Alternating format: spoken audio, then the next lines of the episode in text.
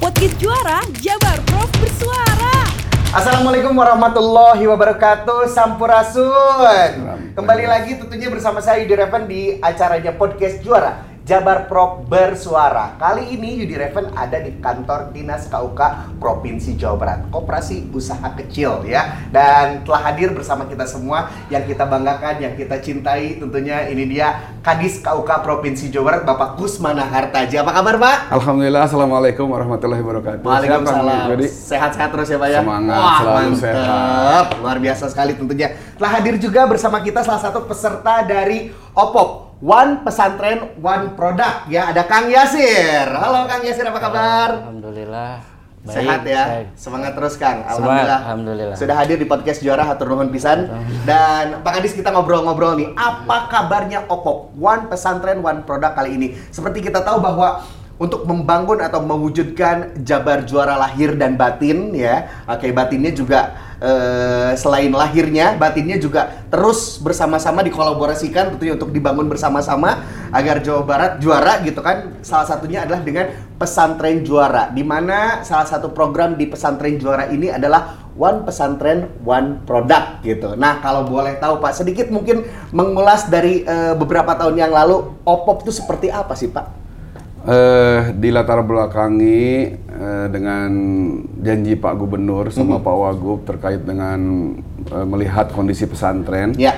yang selama kemarin sebelum program ini muncul kan pesantren itu hanya mengandalkan sumber dananya dari hibah Mhm. bansos, infak dan juga eh, pembayaran dari santri atau orang tua santri. Ya.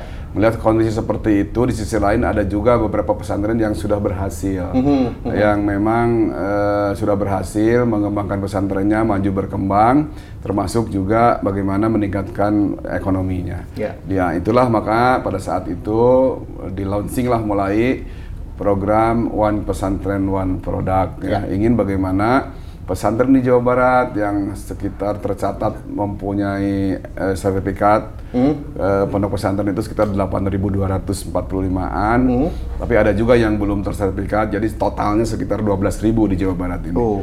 Nah ini ditargetkan oleh Pak Gubernur selama lima tahun Ya. sampai dengan tahun ini terakhir 2023 jadi totalnya 5.000 pondok pesantren 5000 pondok pesantren itu menjadi target. peserta program One Pesantren One Product. Oke, seperti kita tahu bahwa eh, Jawa Barat ini adalah provinsi dengan terbanyak pesantrennya. Betul, Ya, tadi kalau kata Pak Tutus 30%. yang mempunyai nomor standar pondok pesantren ini sekitaran Ya. 8.200. Ya. Ini penting Pak punya eh, nomor eh, Iya, standar pondok pesantren karena persyaratan itu ya, apalagi Mhm, kita mhm. kolaborasi dengan Kementerian Agama. Ya.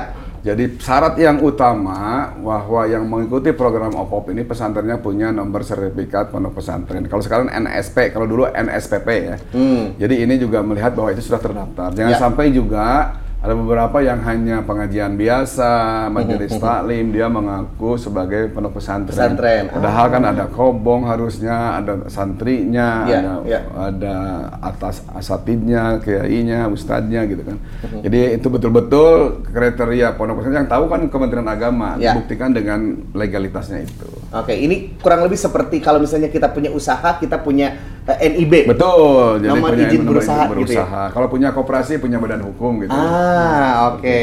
Jadi haruslah legal dengan Legal, adanya betul. eh, nomor standar peserta sertifikat, eh, sertifikat. pondok pesantren. Oh, oke. Nah, ini Pak, kalau boleh tahu yang terakhir-terakhir eh, Yudi lihat nih di media sosial, di berita bahwa eh, program eh, One Pesantren One Product ini diadopsi ternyata oleh provinsi lain. Nah, kalau boleh tahu provinsi mana sih Pak?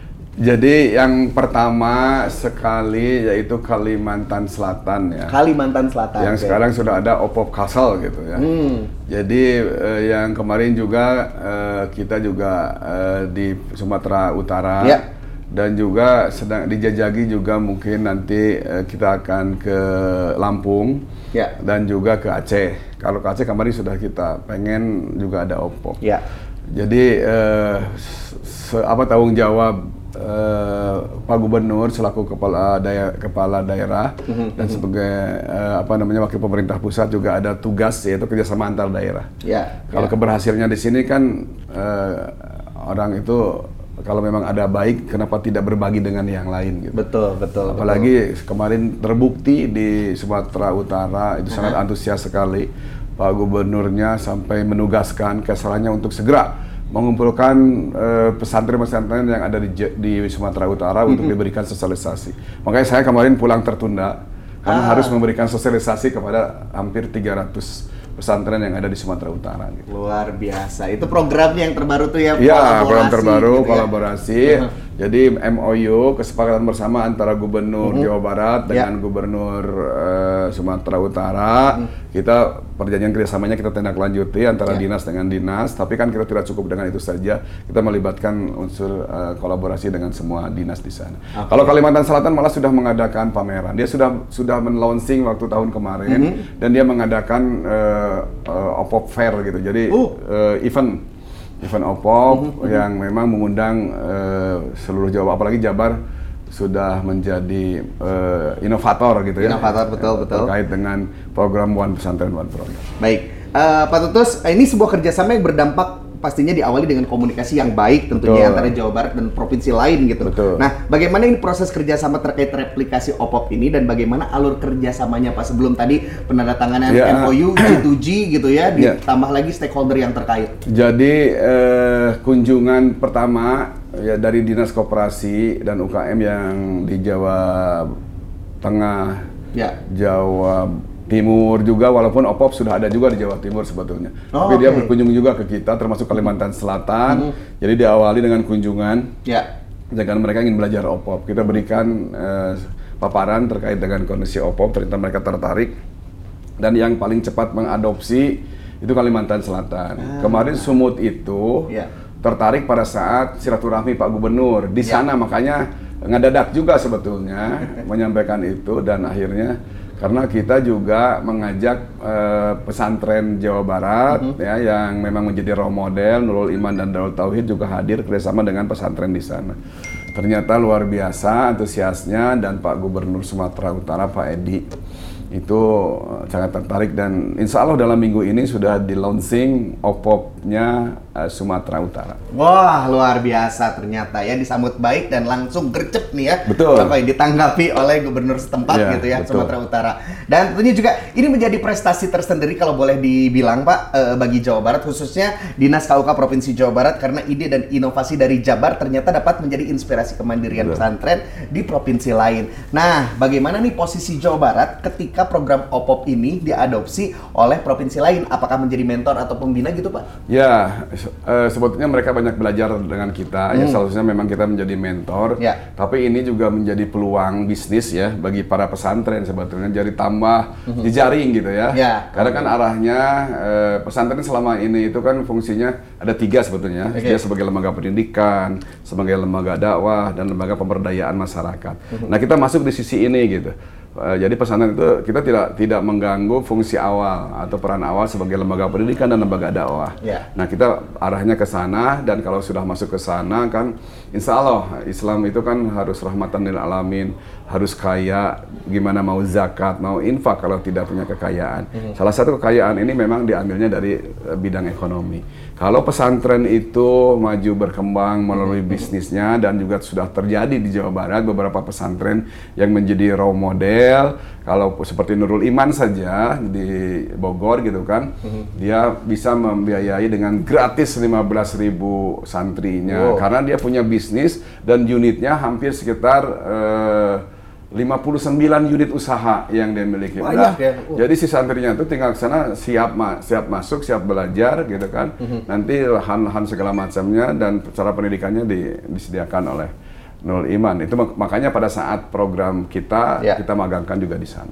Oke, ini ada perwakilan juga nih dari salah satu peserta OPOP ya. Oke, Kang Yasir, ini boleh diceritain mungkin eh, Kang Yasir gimana pertama kali ikut OPOP gitu ya. Terus alur-alurnya boleh diceritain mungkin sama wargi Jabar. Alhamdulillah wargi Jabar eh, pertama saya itu eh, ikut daftar eh, OPOP ya Pak.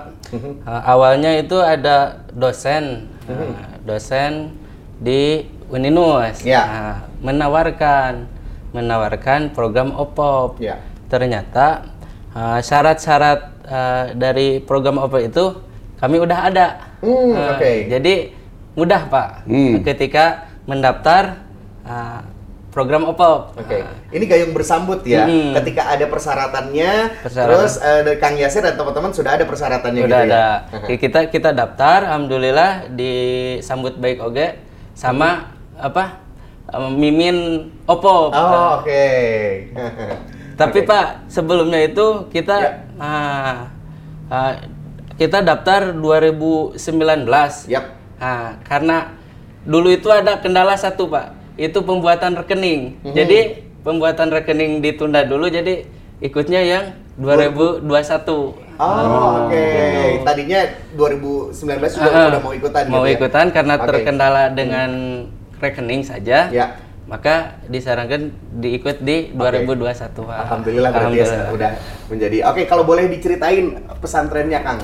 Oke, di mana lokasinya, terus seperti apa? Untuk lokasi pesantren tersebut Universitas Uni- Universitas Islam Nusantara itu terletak di kampusnya. Jadi uh, di belakang uh, deket gedung FKIP Pak. Oh, oke. Ini Ah, unik banget ya, Pak. Unik, Terus ya betul. ada ada eh, pesantren, Pesantren tapi di, di dalam kampus. Kampus. Oke. Awal berdirinya gini Pak. Nah, gimana? Nah, kan dulu itu Wisma namanya itu. Karena terbengkalai, Ya. maka kita uh, inovasi menjadi pesan pondok pesantren. Hmm, Nah, seperti itu Pak. Oke, Dari berarti ini pondok pesantrennya baru. Eh, eh, baru. Nah, oke. Kita berdiri 2019. Ya. Nah, Alhamdulillah. namanya adalah Pondok Pesantren. Mahasiswa Universitas Islam Nusantara. Oke, jadi yang hanya boleh eh, masantren istilahnya adalah mahasiswa ya? Mahasiswa, mahasiswa Uninus nah, khususnya. Oh, oke, oke. Jadi kita tidak menerima uh, mahasiswa lain gitu. Hmm, Untuk hmm, mondok di. Jadi jadi in house ya, Heeh, in house gitu. Sudah berapa eh, banyak sekarang santrinya nih atau santriwatinya? Untuk santriwati alhamdulillah ada 45. Mm-hmm. Nah, terus sisanya itu uh, sisanya santri putra. Oke. Nah, totalnya keseluruhan untuk sekarang ada 64 44. 44 Oke, oke, luar biasa sekali tentunya. Apa yang eh, menjadi motivasi untuk ikutan OPOP nih? Apakah eh, teman-teman dari pesantren Uninus ini sudah punya produk duluan kah atau seperti apa? Nah, awalnya untuk ikut uh, peserta OPOP itu uh, kita dulu itu kan dari seorang dosen yang menawarkan. Nah, kebetulan kami dari pengelola pengelola pondok pesantren itu Ya. udah mempunyai produk, Pak. Oh, oke. Udah mempunyai Apa produknya kalau boleh tahu? Produknya itu kopi, Pak. Ah. Dengan nama Kafelet, Pak. Kafelet. Kafelet. Kenapa di sini ada fi- filosofinya? Apa tuh? Kenapa? Nama kafelet itu. Iya. Nah, karena kalau bahasa Sunda itu kafelet itu tertarik pak. ya. Hmm, hmm, iya. Jadi Di pel- kafelet, kayak di pelet gitu pelet, ya. ya. Oke. Itu filosofinya. Maka kita namakan kafelet. Hmm. Nah itu Oke. berawal dari situ. uh, produknya kita ngambil dari Gunung Puntang, Ya.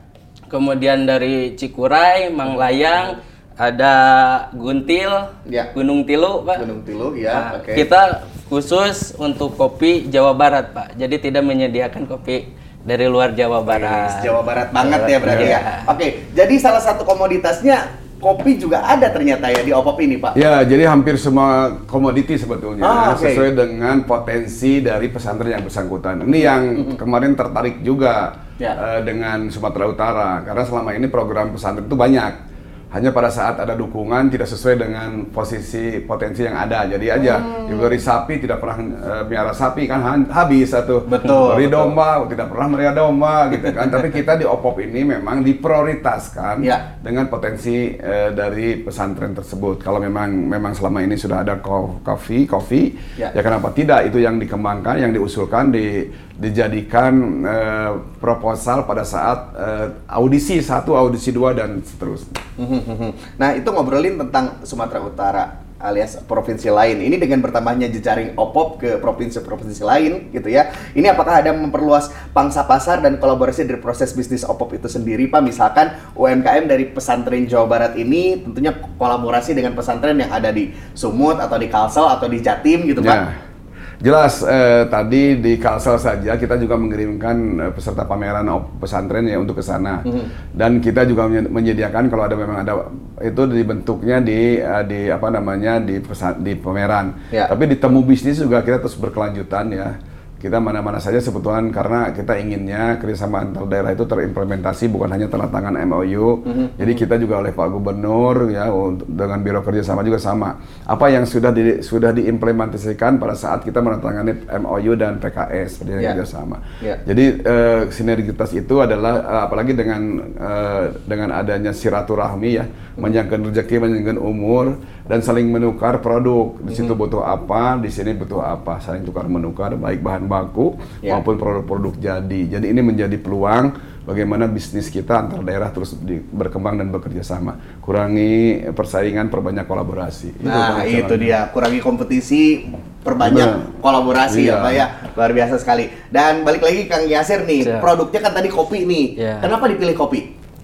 Kenapa kita milih kopi? Karena kebetulan uh, pengelola itu yang pertama uh, suka kopi, Oke. yang kedua uh, dari saya itu sendiri itu basicnya di kopi Kang. Kebetulan saya pernah mengikuti apa pelatihan-pelatihan barista itu ya. dari hulu sampai hilir. Nah, maka kami aplikasikan kebetulan ada di sini apa uh, Jabar menyediakan nah, wadah gitu kan. Ya. Maka kita ikuti seperti itu Kang. Pasarnya juga lumayan ya, pasarnya Iya, di mahasiswa alhamdulillah. berinya. Pasarnya mahasiswa. mahasiswa, gitu ya. dosen, tidak hanya mahasiswa saja Pak. Hmm. Ah, kita juga memasok kepada kedai-kedai yang ada. Oh. Oh, wah, luar biasa sudah Iya. bisa memasok ke kedai-kedai sekitar ah, gitu ya. Oke. Oh, luar Bandung ada? Luar Bandung belum ada. Mm-mm, belum ada. Mm-mm. Oke, Tapi jadi- kalau untuk pemesanan, alhamdulillah udah luar Bandung. Oh mantap luar biasa berarti ya. Nah ini kalau boleh tahu Kang gimana sih bantuan dari Opop ini eh, dipergunakan oleh Akang? Kalau nggak salah Akang juara tahun berapa? 2021. Oh mendapat bantuan eh, 2021 gitu ya. 21. Pelatihan, magang, modal usaha. Modal Wah usaha. luar biasa. Modal usaha waktu itu dapat berapa Kang? Untuk ke kompetisi yang pertama, Hmm. alhamdulillah kita dapat 25, Pak. 25, oke. Kemudian saya direkomendasikan lagi untuk ikut serta Audisi uh, dua ya? Audisi dua. Oh mantap. Luar biasa. Juara kabupaten ya, Oke. juara kota Pak. Oke, itu dapat lagi. Dapat lagi Berapa tuh? 75, Pak. 75. Jadi total 100 juta bantuan Iya, dari pemerintah Provinsi Jawa Barat ya. Oke, luar biasa. Nah, itu digunakan untuk apa kalau boleh tahu nih? Dengan kita gu- tersebut. gunakan nah, yang pertama kita bangun kopi shop, Pak. Mhm. Nah, kopi Oke. shop. Ah, sisanya untuk pem- pembangunan, kemudian kami pergunakan untuk alat-alat dan bahan, Pak. Oh, Ah, jadi kita upgrade bahan-bahan, eh, upgrade alat-alat Ya. kopinya supaya ketika pembuatan kopi itu lebih maksimal, Pak. Luar biasa. Boleh tepuk tangan dulu dong. Ternyata dipergunakan secara maksimal ya bantuan dari Opop ini ya. Jadi eh, dengan kata lain ini sangat terbantu banget dengan program Opop ini. ya. Alhamdulillah, Pak. Alhamdulillah, alhamdulillah. Oke, baik. Eh, Pak, Pak Tutus, ini yang luar biasa. Saya pernah baca bahwa eh, ada artikel yang mengatakan bahwa selain kerja sama replikasi dengan provinsi lain, saya pernah mendengar juga nih eh, melalui program Opop eh, Jabar ini berhasil mengekspor jengkol ke Dubai. Ini bagaimana awal kerjasama menjengkolkan dunia ini? Betul, jadi pertama ekspor, eh, yang pertama memang kita cari yang spesifik, yang memang khas gitu ya. Kita kumpulin produk-produk, kalau di fashion juga ada, terus Ya. Di pakaian muslim juga ada, tapi yang paling menarik adalah produk jengkol. Itu di Jengkol. salah satu pesantren, yang memang selama ini hasil pameran eh, yang dilaksanakan oleh kita baik di Turki maupun di Dubai Ya. kan, sering gitu terjadilah eh, eh, jaringan di sana yang eh, siap menerima produk-produk yang eh, dianggap sederhana sebetulnya oleh kita tapi alhamdulillah eh, kita bisa ngirimkan eh, produk itu ke Du- ke Dubai gitu. Ya. Ini adalah yang pertama dan itu juga tercepat kelihatannya didukung juga karena kita tidak bisa lepas dari kolaborasi ya. Setiap pihak harus terlibat gitu Ya. ekspornya ekspor jengkol didukung oleh pembiayaan dari Bank BJB, support dan lainnya juga itu ada gitu kan. Akhirnya sudah sampai dari pagi-pagi kita kirim, alhamdulillah malam hari sudah dipajang di eh, supermarket yang ada di Dubai. Luar biasa. Jengkol dari Jawa Barat ada di Dubai gitu Iya, ya Pak ya. Oke. Tapi ini orang Dubai resep jengkol Pak? Ya, itu juga banyak ya yang punya istri orang Indonesia. Ah, oke. Ya kan, terus ya itu awalnya dari situ. Ya. Sekarang juga ada informasi daerah mana ya? Kemarin saya lihat dulu juga ternyata juga senang jengkol juga kan. Mm-hmm. Di Dubai banyak orang Indonesia yang eh, suaminya orang sana gitu Ya, kan. ya. Itu juga membuat eh, peluang untuk jengkol itu tambah berkembang lah. Allah. Tadi saya dengar juga BJB sebagai kolaborator. Betul. Ya Pak ya. Nah kalau misalnya ngobrolin tentang OPOP ini pasti terkait juga dengan program kredit mesra nih. Kalau boleh tahu Pak, ini sejauh mana program OPOP dan kredit mesra ini mendukung satu sama lain gitu Pak? Ya, eh, jadi selain untuk dinas koperasi dan usaha kecil memang diberikan eh, tugas Ya. salah satunya di program strategis ya selain buka UKM juara kita juga ada one pesantren produk, Ya. ada juga kredit masyarakat ekonomi sejahtera. Ini adalah kredit yang selama ini memang diberikan kepada para pelaku UKM yang kelihatannya butuh pembiayaan tapi sangat sedikit. Ya. Dan masyarakat kan kelihatannya banyak yang juga kena rentenir ya. Ya, ini yang membuat eh, ide ini muncul, tapi berdasar- berdasarkan eh, apa namanya eh, berbasis tempat ibadah. Hmm. Ya, bisa di pesantren, Ya. bisa di tempat lain sebetulnya. Jadi tadi eh, ini adalah eh, berbasis tempat ibadah. Jadi selain juga masjid, Mhm. tapi juga yang lain gereja, kelenteng. Karena op- karena saya ini juga sudah ke Medan ada, Ya, terus juga ke Bali juga ada, Mhm. gitu. Selain Banten juga ada. Jadi jadi sudah tersebar gitu ke tiga provinsi. Sebelum kemarin ke Medan, Jawa Barat, Banten, dan Bali. Ya. Ini alhamdulillah eh, salah satu solusi untuk eh, apa namanya kepada UKM-UKM yang membutuh butuh pembiayaan dengan mudah, murah, tanpa bunga, tanpa jaminan. Wah, solusi banget ini ya. Betul. Oke, solusi banget. Tapi berdasarkan kelompok antara lima orang, 10 orang di tempat ibadah.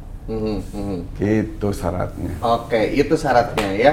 Oke, jadi berkumpul satu grup boleh Iya, mengajukan gitu betul, ya. tempat ibadah. Ya, kalau di pesantren ada masjidnya, ya. ke- Nah, tadi tadi teh yang memang majelis taklimnya belum bukan pesantren kan bisa juga mengajukan. Mhm. Oke, Gitu. jadi lebih ada kesempatan lagi ya, Kesempatan ya, yang lain untuk lagi. majelis taklim lainnya. Iya. Oke, Pak Tulus ini semenjak eh, digagas empat tahun yang lalu nih, OPOP ini terus bertransformasi untuk menjadi penggerak ekonomi dan kemandirian dari pesantren-pesantren. Ini denger-dengar nih ada yang baru nih di OPOP 2023 ini. Boleh mungkin di-spill ya sama wargi Jabar, silakan Pak. Ya, jadi sebetulnya yang regulernya tetap ya. Mhm. Pendaftaran online, Iya. yang jadi baru itu sebetulnya di pemasaran ya. Ah, Jadi kan selama ini ada pameran yang eh, apa namanya saling bertemu gitu ya. Ya. Kalau sekarang kan kita juga memanfaatkan teknologi informasi lah. Ya. Dengan digitalisasi kan pameran juga bisa dalam bentuk eh, apa namanya digital gitu ya. Jadi eh, hybrid atau juga nanti promosinya lewat marketplace dan lain-lain. Ya. Jadi eh, itu termasuk juga dengan kondisi saat ini juga ada beberapa prioritas program sehingga tahun ini cukup berat sebetulnya tapi insya Allah akan terpenuhi target 5.000 tahun ini 2.156 yang menjadi peserta program. Tapi kita agak jongjon karena memang minimal sudah punya usaha gitu. Di awal dulu si Opop itu masih ya cukup dengan ide-ide saja bisa menjadi peserta program. Tapi sekarang mah sudah berubah gitu kan. Sudah berubah, bertransformasi gitu ya. bertransformasi, Ya. jadi eh, termasuk juga di pemasaran, di pembiayaan itu memanfaatkan teknologi informasi. Mhm. Itu targetnya 2156. 156 ya tahun ini. So far sekarang ini yang sudah mendaftar berapa Pak kalau boleh tahu? 2700-an. Oke, ini udah melampaui sebetulnya ya. Iya, cuman Oke. kita tinggal kelengkapan saja. Karena sebelum kita eh, pendaftaran, makanya pendaftaran dimulai di bulan Desember ya, kalau tidak salah. Untuk untuk mengejar target 2100 itu ternyata sangat antusias sekali, hanya tinggal administrasi saja. Ini bisa membludak gitu apa strateginya Pak? Mungkin ada Yang ter- pertama sosialisasi, Iya. terus juga saling cerita antara pondok pesantren. Kedua kita rekrutmen pendamping. ya, Jadi pendamping itu di awal ditugaskan untuk menginformasikan ya. ya kepada para calon pesantren untuk mengikuti program ini. Oke. Termasuk media online, sosialisasi segala macam kita terus Hmm. kembangkan termasuk dengan patriot desa lah.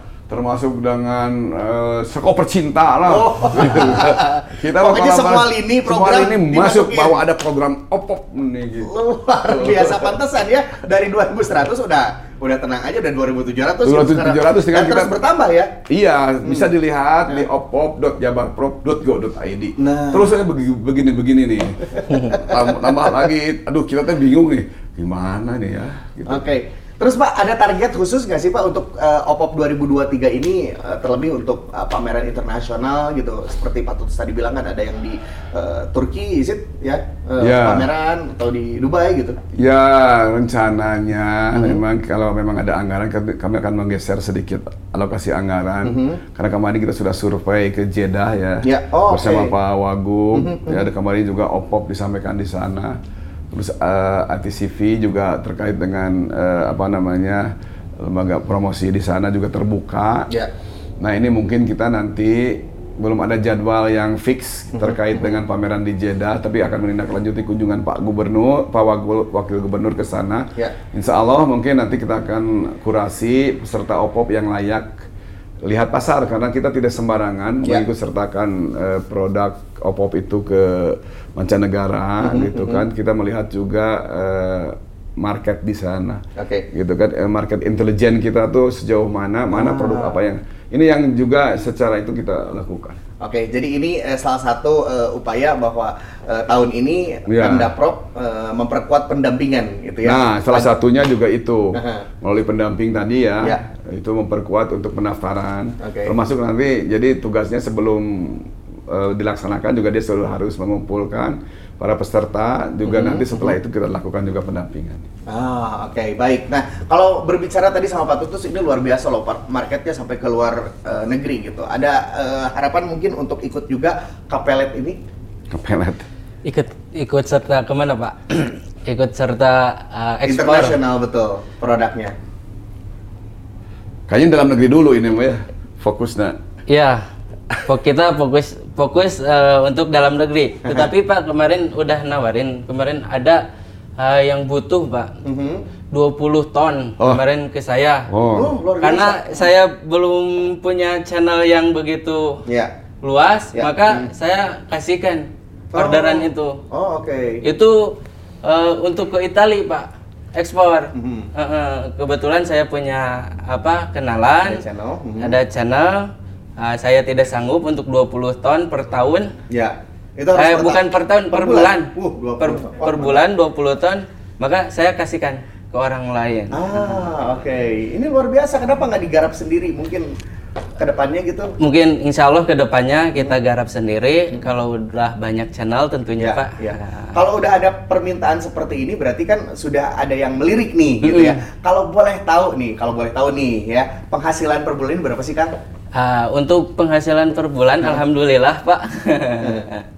Ah, pertama eh, kita itu karena ah, apa konsumennya itu mahasiswa, Ya. otomatis perputarannya cepat Pak. Cepat, oke. Ah, ah. Atau gini deh penghasilan sebelum opop berapa tapi setelah setelah opop berapa nih?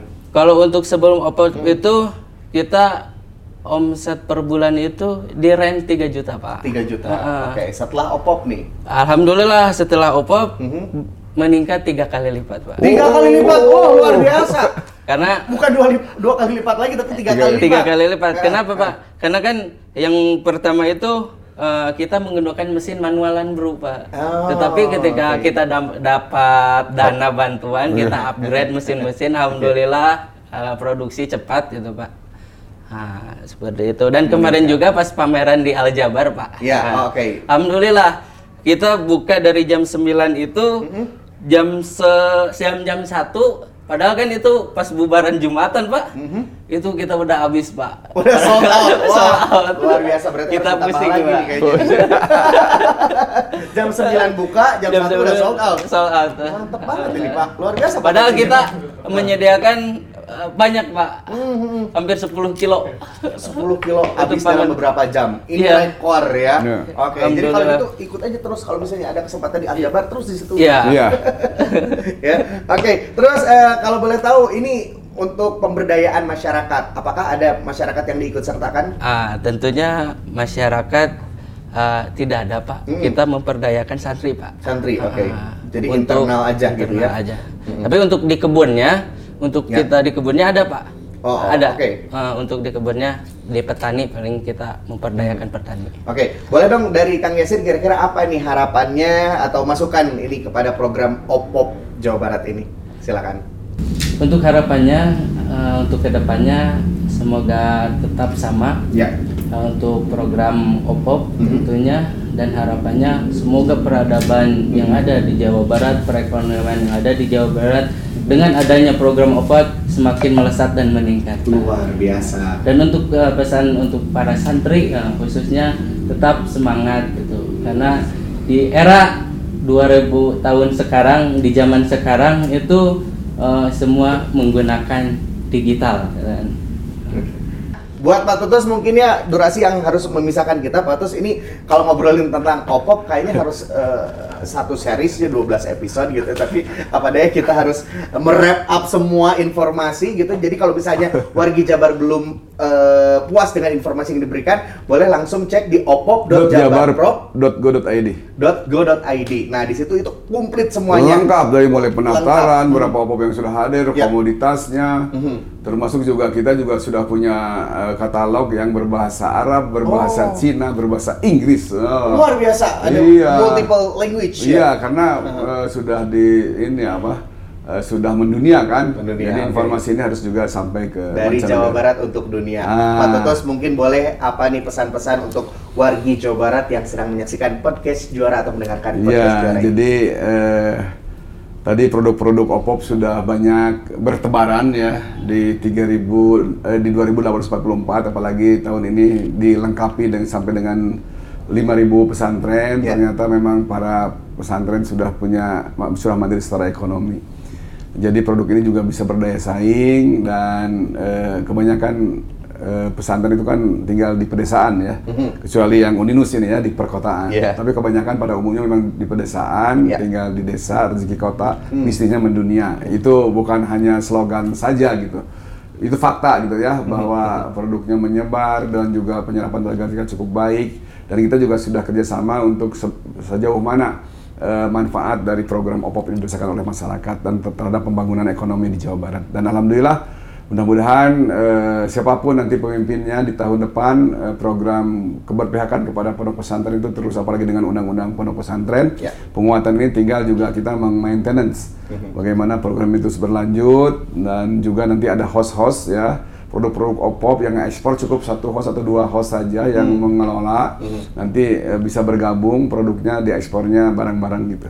Ini juga menjadi pemikiran kita ke depannya agar eh, sustainable eh, keberlanjutan program ini terus dilaksanakan. Masyarakat juga bagi pesantren yang belum mendaftar masih ada kesempatan kelihatannya sampai dengan akhir Februari ini untuk mendaftar eh, dan diinformasikan kepada eh, teman sahabat yang punya pesantren silakan daftar program One Pesantren One Product dan persyaratan bisa dibaca di opop.jabarprop.go.id.